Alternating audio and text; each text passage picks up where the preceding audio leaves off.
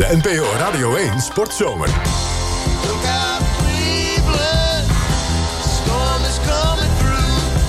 Vanaf de Republikeinse Conventie in Cleveland, Guus Valk en Chris Keijnen. Yes, we gaan weer naar Cleveland, waar de grote Trump-show afgelopen nacht ruw werd verstoord door zijn aardsrivaal Ted Cruz.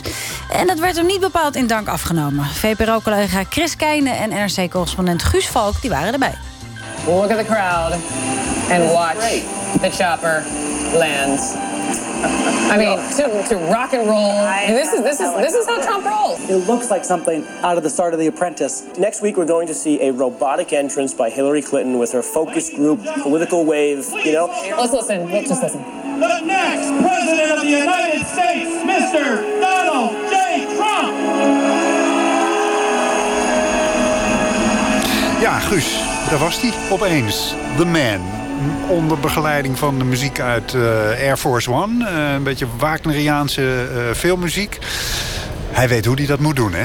Trump is daar heel goed in. Als je op campagnebijeenkomsten bent, als het enigszins kan, komt hij met, dus met Trump Force One, met zijn, met zijn grote vliegtuig, maakt hij even een rondje boven het veld. Deed hij en landt hij daarna onder, Cleveland. exact, onder dramatische muziek. Als het donker is, nog verlicht ook.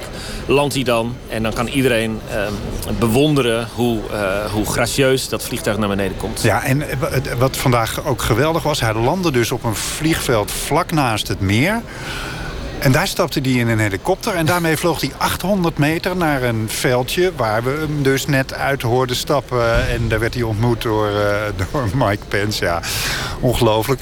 Ehm, maar Melania was er niet bij. Nee. Hij nee. was alleen. En het is de vraag of we haar nog terug gaan zien. Eh, dat is heel erg de vraag. Het is bekend van Melania Trump dat ze al een hekel heeft aan campagne voeren. Het is een vrij teruggetrokken vrouw.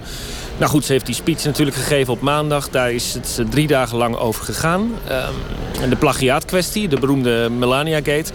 Nou ja, goed, er is dan eindelijk na drie dagen is de zaak, je zou kunnen zeggen, opgelost. Want er is een eh, excuus van de speechschrijver. Die neemt alle schuld op zich. Wilde Niet iemand van de campagne, hè? Een, Nee. een, een employé van het, het Trump eh, van de. Trump-organisatie Ja, inderdaad. Ja. Wat nog wel weer op zich eh, een verhaal op zich is misschien.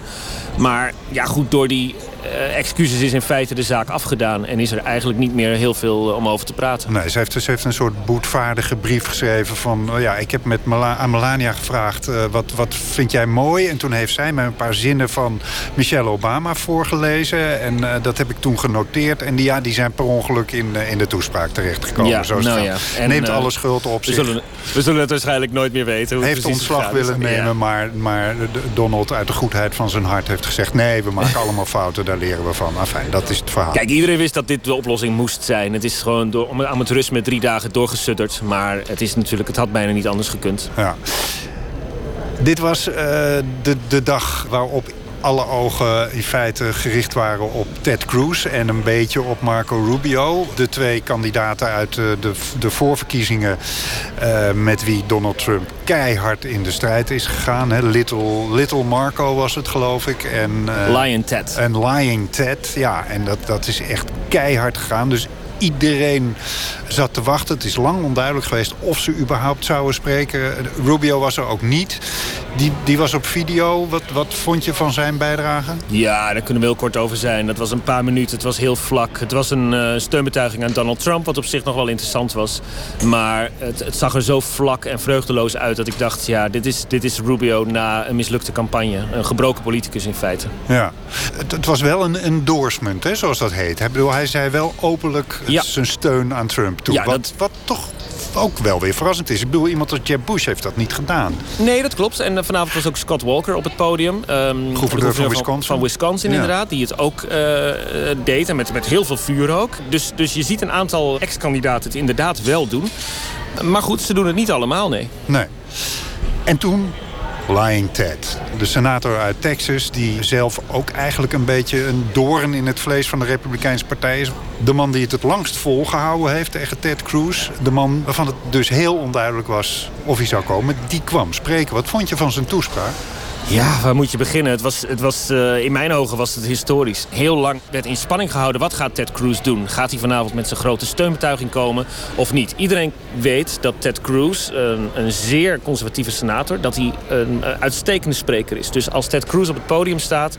kan hij zo'n hele zaal met zich meenemen. Acht of negen minuten had hij tijd gekregen. Het werden uiteindelijk 23 minuten. Dus dat was nogal... Uh, hij, hij ging daar nogal overheen. Maar dat komt omdat hij een betoog opbouwde waarin hij een zaak maakte voor een bepaald soort president dat hij wil zien. En hij bouwde dat uh, buitengewoon slim op. Hij noemde allerlei kenmerken waar een goede president aan moet voldoen. Die moet voor, uh, voor familiewaarden zijn, die moet voor religieuze vrijheid zijn. Het maakt niet uit welke religie, uh, zei hij er nog expliciet bij. Hij noemde zelfs homorechten, wat, wat, wat ik heel opmerkelijk vond voor Ted Cruz. Absoluut, ja. Um, maar boven alles moet een goede president de grondwet volgen. De grondwet is heilig. Ja, nadat hij inderdaad die case had gemaakt van wat moet een president van onze partij nou zijn.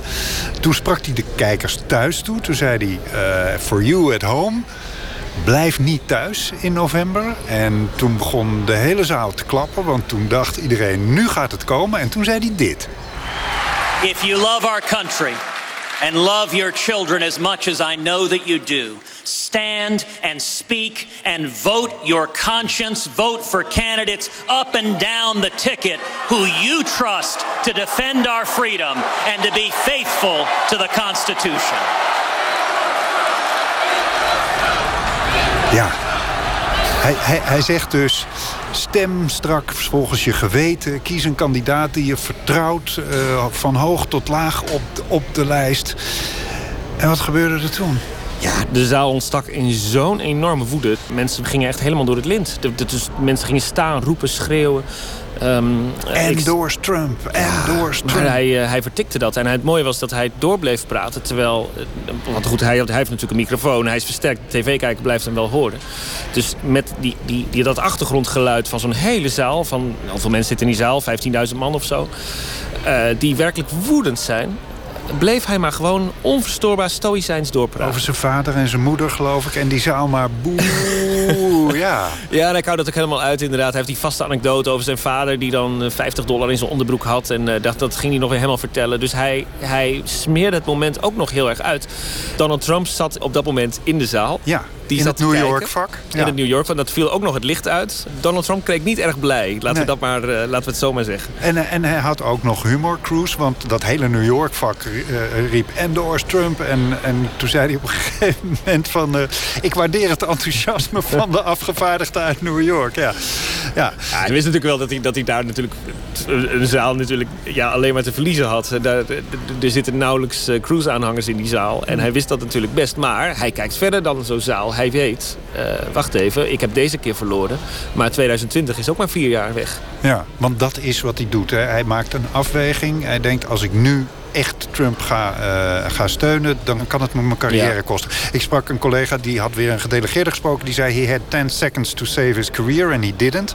Maar hij denkt precies het tegenovergestelde. Ik denk, ik denk dat er twee dingen uh, spelen. Dit het is puur strategisch, denk ik. Voor hem handig als jij profileert als principeman, een principieel conservatief, dat je dat ook laat merken. En dat je dat ook door je daden op zo'n belangrijk moment laat merken. Van, ho, wacht even, ik heb altijd gezegd nooit Trump. En dat blijf ik zeggen. Dus daar zit een kant aan. Er zit ook een emotionele kant aan. Ik sprak Steve King, de oud-campagneleider van uh, Ted Cruz... Um, die hem de overwinning in Iowa onder meer had bezorgd. Die was het niet eens met uh, dit besluit van Cruz. Maar hij zei er wel bij, er is gewoon te veel gebeurd. Er is iets geknakt bij hem. En hij is gebroken door wat Trump hem heeft aangedaan. Dus er zit ook een bepaalde emotionele component aan. Ja. Wat betekent zo'n moment als vanavond dat echt die hele zaal Ted Cruz uit gaat jouwen? Wat betekent dat voor zo'n conventie? Ja, dat is, er wordt al heel veel vergelijking met 1976 gemaakt... Toen, toen Ronald Reagan de grote stoorzender was op de conventie. Maar een heel groot deel trouwens van de zaal toen meekreeg. Dit zijn dingen die bijna nooit gebeuren in een politieke conventie... omdat alles zo geregisseerd is. Alles is van tevoren afgesproken. Dus dit is wel vrij historisch volgens mij. Ja, en het tekent gewoon de chaos in die partij En dat, dat, dat schisma tussen Trump-aanhangers... die toch enigszins buiten uh, de conservatieve orde van de Republikeinse Partij vallen... en de conservatieven die je toch met name in het cruisekamp ziet... maar ook in de Tea Party deels bij, bij Marco Rubio, et cetera... dat dat schisma er nog altijd is. Ja. Oké, okay, morgen de grote dag. komt de Donald zelf. Ben benieuwd. Tot morgen, Guus. Ja, komende nacht de man himself dus. Nu laten we ons even lekker in rikken rollen.